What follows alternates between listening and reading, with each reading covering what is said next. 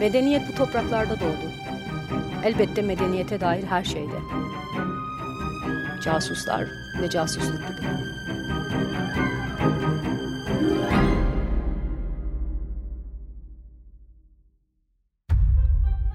Orta Doğu'nun kaderini değiştiren Casuslar ve Casusluk Faaliyetleri serisinin ikinci bölümündeyiz. Bugün size savaşlar, lanetli aşklar ve intiharla sonlanan bir hayatın hikayesini anlatacağım. Yani Gertrude Bell'in hikayesini. Dünya üzerindeki bütün ülkeler az ya da çok dönüşüm sancıları yaşıyordu. Sanayi devrimi ile atılım yapan ülkeler ham madde savaşlarına gireli çok olmuştu.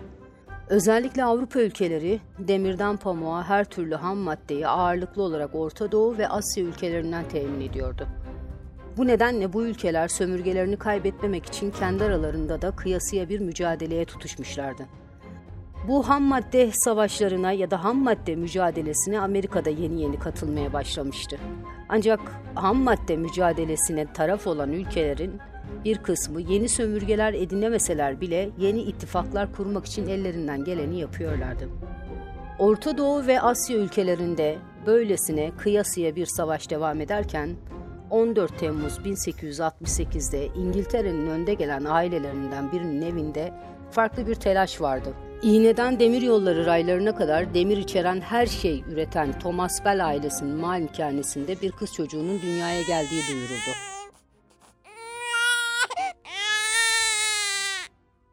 Thomas Bell kızına Gertrude Margaret adını verdi. Bu bebeğin birkaç on yıl sonra Orta Doğu'nun kaderini şekillendirecek isimlerden biri olacağını elbette o dönemde hiç kimse tahmin edemezdi. Aslında Gertrude Bell şanslı azınlığın dünyasına gözlerini açtı. Ailesinde ve etrafında çok sayıda tüccar, siyasetçi, seyyah, sanatçı ve yazar vardı. Aynı zamanda İngiltere hariciyesinden ve akademisinden önemli isimlerle çocukluğundan itibaren oldukça yakındı. Gertrude Hanım doğduktan kısa bir süre sonra annesi zatürreden öldü. Babası Thomas Bell bir süre sonra yazar ve sanatçı Florence All-Life ile evlendi. Aslında üvey annesi Gertrude Bell'in hayatında, tercihlerinde ve günlük rutinlerinde çok derin izler bırakacaktı. Gertrude çocukluğundan itibaren o dönemin İngiltere'sinde makbul sayılan genç kız imajından çok uzaktı. Akranlarının aksine çocukluğu haylazlıklarla ve ağaç tepelerinde dolaşarak ve elbette babasının sınırsız sevgisiyle geçti. Babası ve üvey annesi bir ara Gertrude'un böyle devam ederse evlenemeyeceğinden korkarak Lady'lik okuluna bile gönderdi. Ancak açıkçası Gertrude yola getirilecek gibi değildi. Yine o dönemde İngiltere'de kadınların üniversiteye gitmesi hem hoş karşılanan hem de sık rastlanan bir durum değildi. Buna rağmen Gertrude'un ısrarı, babasının ve üvey annesinin açık görüşlü olması sayesinde Gertrude Bell Oxford Üniversitesi'ne girmeyi başardı. Tarih bölümünü birincilikle bitiren ilk kadın olan Gertrude, evlilik hayalleri kursa da bu hayali asla gerçekleşmeyecekti. Gertrude, üniversiteden sonra dönemin İngiltere'nin İran Büyükelçisi olan amcasının yanına gitmeye karar verdi. İşte bu karar hayatını tamamen değiştirecekti. İlk aşkıyla İran'da tanıştı Gertrude. İngiltere Büyükelçiliği memurlarından biriyle İran'ın büyülü atmosferinin de etkisiyle derin bir aşk yaşamaya başladı. Ailesine aşkından ve evlenmek istediğinden bahsetti. Ne kadar ısrar ettiyse de babası ve üvey annesi elçiliğin sıradan bir memurunu kızlarına denk görmüyordu.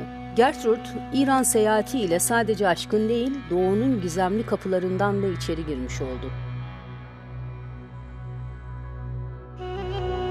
Ailesinin zamanla ikna olacağını düşünen Gertrude İngiltere'ye döndü ve döndükten hemen sonra da Farsça öğrenmeye başladı. Sevgilisiyle sık sık mektuplaşıyorlardı ve mektuplarında İran'ın büyük şairi Firdevsi'nin beyitlerine de yer veriyorlardı. Ancak Gertrude'un kaderinde mutlu aşk yoktu ve bir süre sonra büyük aşkının İran kırsalında yaptığı at gezisinde göle düştüğü haberini aldı. Mevsim kıştı ve büyük aşkı zatürreden ölmüştü. Tıpkı Gertrude'un 3 yaşındayken kaybettiği annesi gibi. Bu kayıpla birlikte Gertrude yıkıldı. Bir süre kendini her şeye kapattı. Sonra ailesinin ve çevresinin zorlamaları ile dağcılıkla ilgilenmeye başladı. O dönemde dağcılık da kadınlara göre bir spor sayılmıyordu aslında. Ancak Gertrude hobi olarak başladığı bu spora birkaç rekor kırarak devam etti. Hatta dağcılıkla ilgili pratiklik sağlayan birkaç alet edevat tasarımı bile yaptı. Ancak aklı doğudaydı. Nihayetinde uzun sürecek bir seyahat planladı. Bu defa gemi ile Kudüs'e gidecek, oradan Ürdün ve Suriye'yi geçerek Karkamış'ta arkeolojik kazılar yapacaktı. O dönemlerde Avrupa ülkelerinde bir çeşit arkeoloji yarışı da vardı.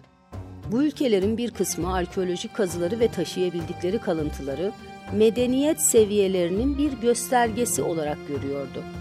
Bir kısmı da Yunan atalarından kalanlar gözüyle baktıkları tapınakları, sunakları, devasa heykelleri ve sütunları Anadolu'dan söküp Avrupa'ya taşıyordu. Anadolu'da ve İstanbul'da arkeoloji ve tarihi eser bilinci yoktu ve her yer kalıntı ve eser kaynıyordu ne de olsa. Avrupa ülkeleri arasında bu arkeoloji yarışı Gertrud'un yakınlarına gönderdikleri mektuplara da yansımıştı. Hatta yıllar sonra Osmanlı Devleti'nin Arap coğrafyasındaki yenilgisinin sebebi olarak gösterilecek olan meşhur İngiliz casus Lawrence ile Gertrude'un ilk tanışması da yine bir arkeolojik kazı alanında olacaktı. Yani Karkamış'ta.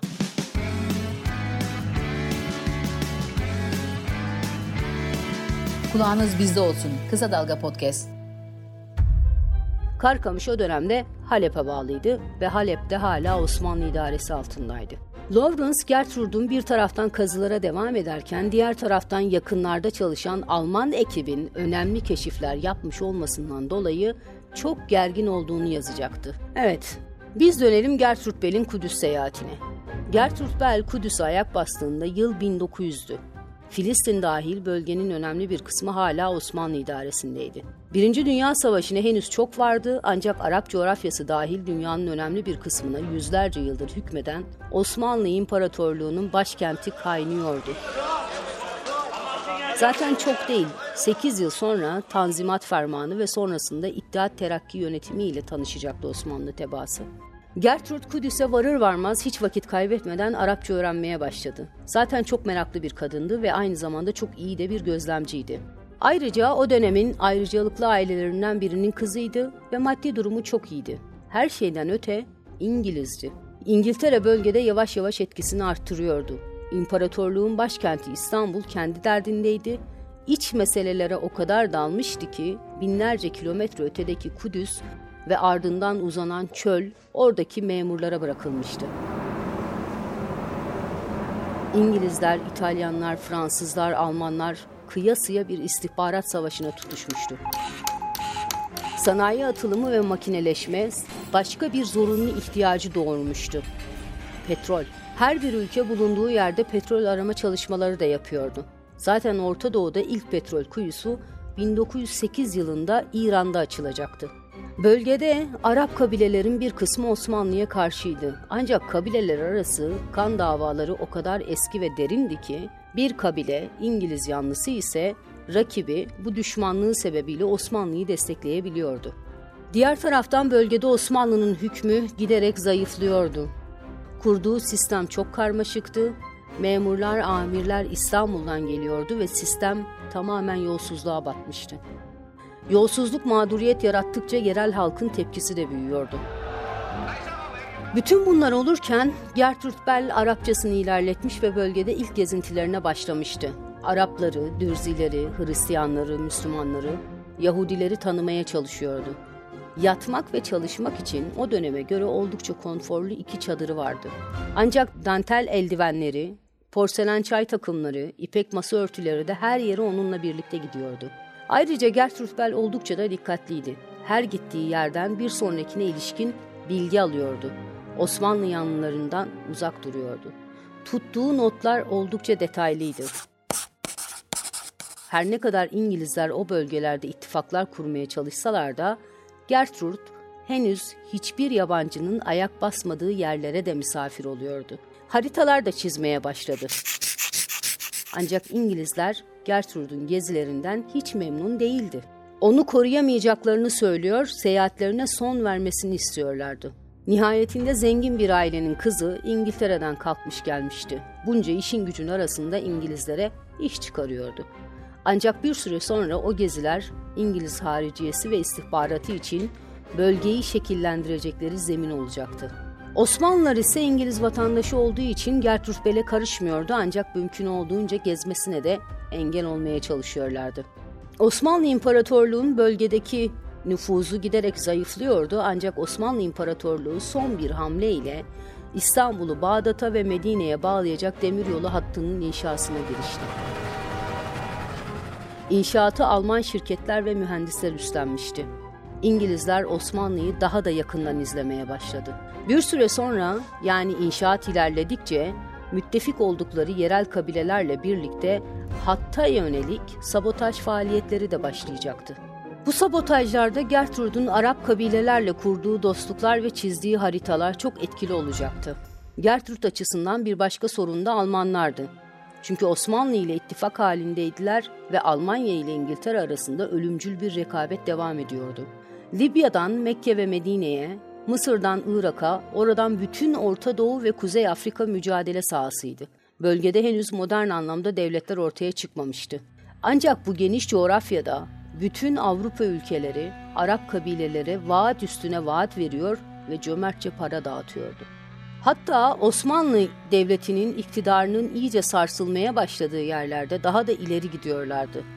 İtalyanlar, İngilizler, Fransızlar, Amerikalılar yerel aşiretleri örgütlemeye çalışıyorlardı. Aşiretlere para, silah ve uçak desteği sözleri veren bu ülkelerin kendi aralarında istihbarat savaşları da sürüyordu. Bir de binlerce yıldır kaynayan ancak ilk filizlerini 1800'lerin ortasında vermeye başlayan Kudüs sorunu belirginleşmeye başladı. İngilizlerin Akdeniz'e açılan limanlar gibi önemli sebeplerle kontrol etmeye çalıştığı Kudüs'te Yahudilere, Müslümanlara ve Hristiyanlara ayrı ayrı sözler verdiği artık sır değil. İsrail devletinin kuruluşunun temelini atan bu politikaların şekillenmeye başladığı yıllarda Gertrud Kudüs'ü avucunun içi gibi biliyordu. Ayrıca Filistin'den Ürdün ve Suriye'ye çöl kabileleriyle dostlukları oldukça ilerlemişti. Nihayet Birinci Dünya Savaşı patlak verdi. Ve İngiliz hariciyesi Gertrude Bell ve meşhur casus Lawrence'ın da olduğu bir ekip kurup Mısır'da çalışmaya başladı.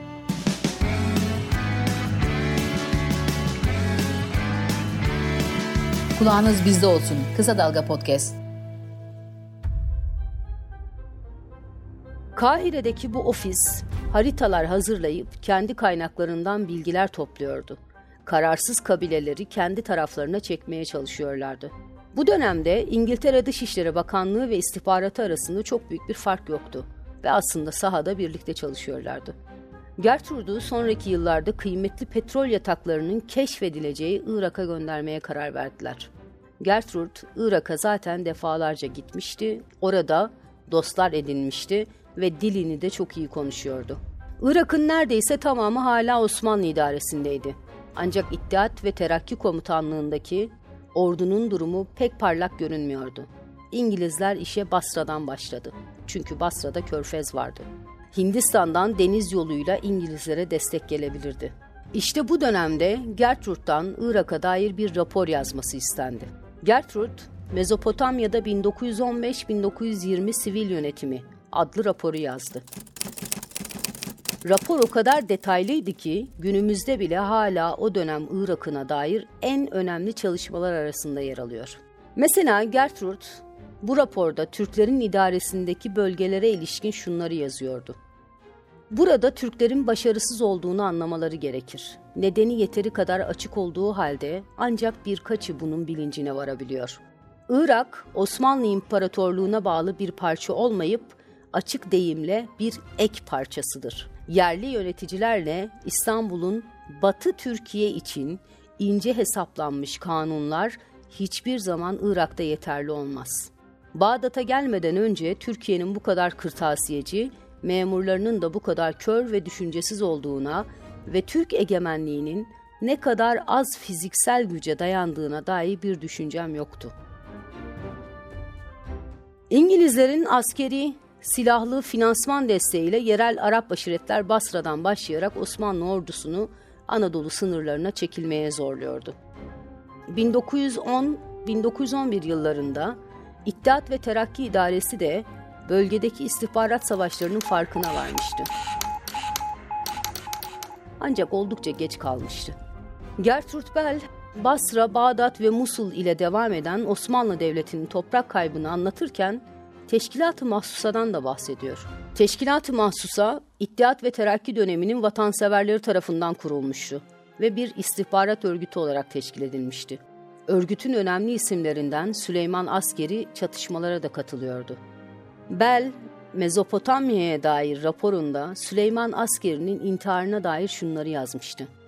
Türk generali Süleyman Askeri yaralanmış ve bir sedyede taşınıyordu.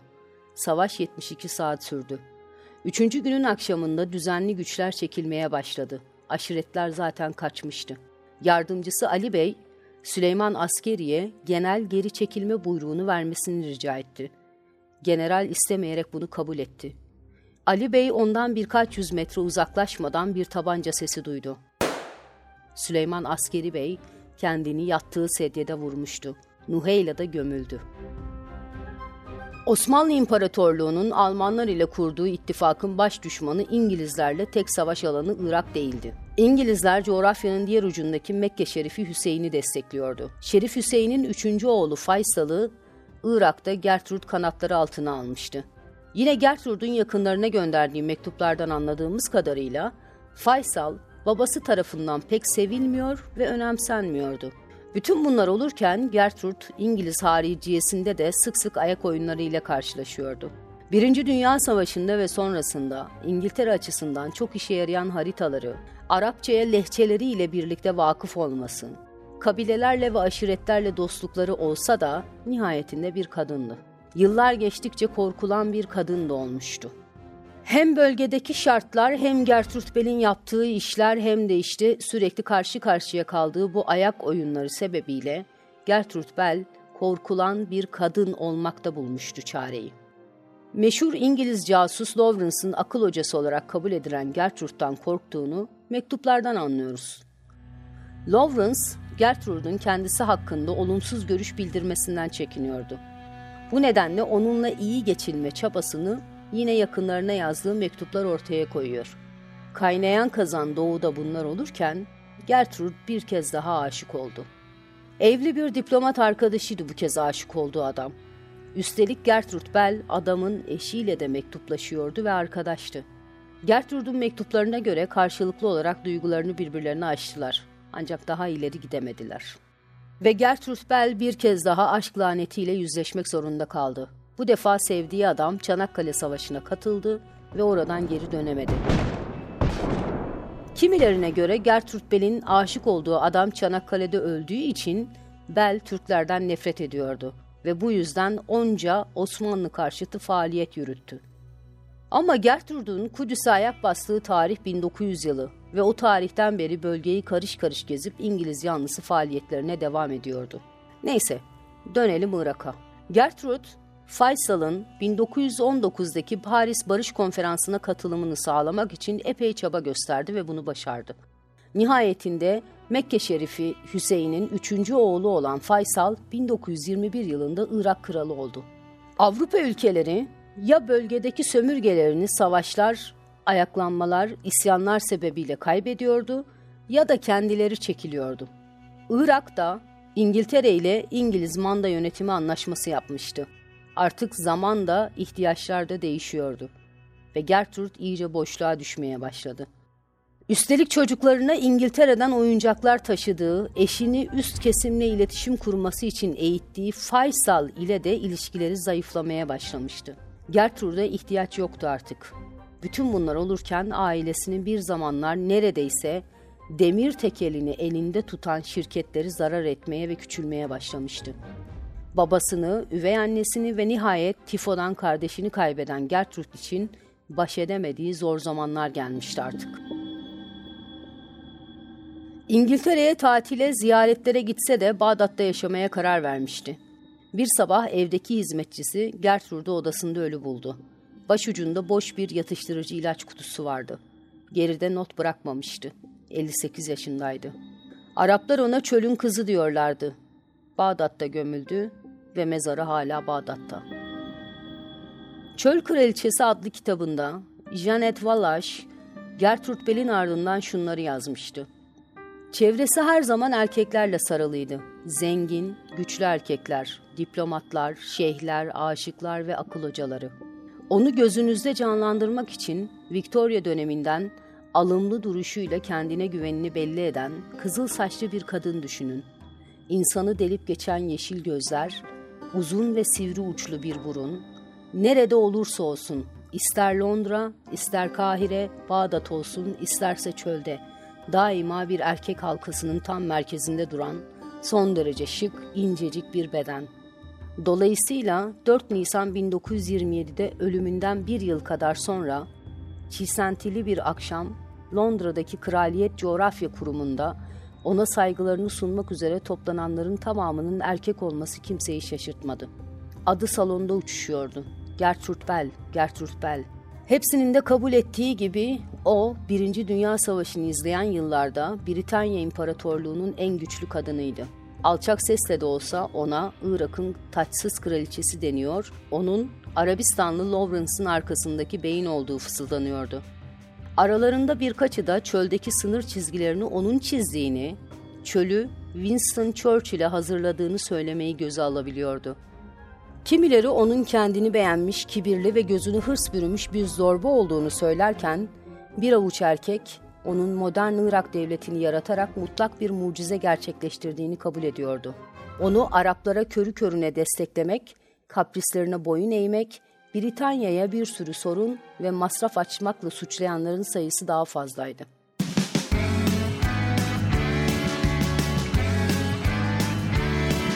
Kulağınız bizde olsun. Kısa Dalga Podcast.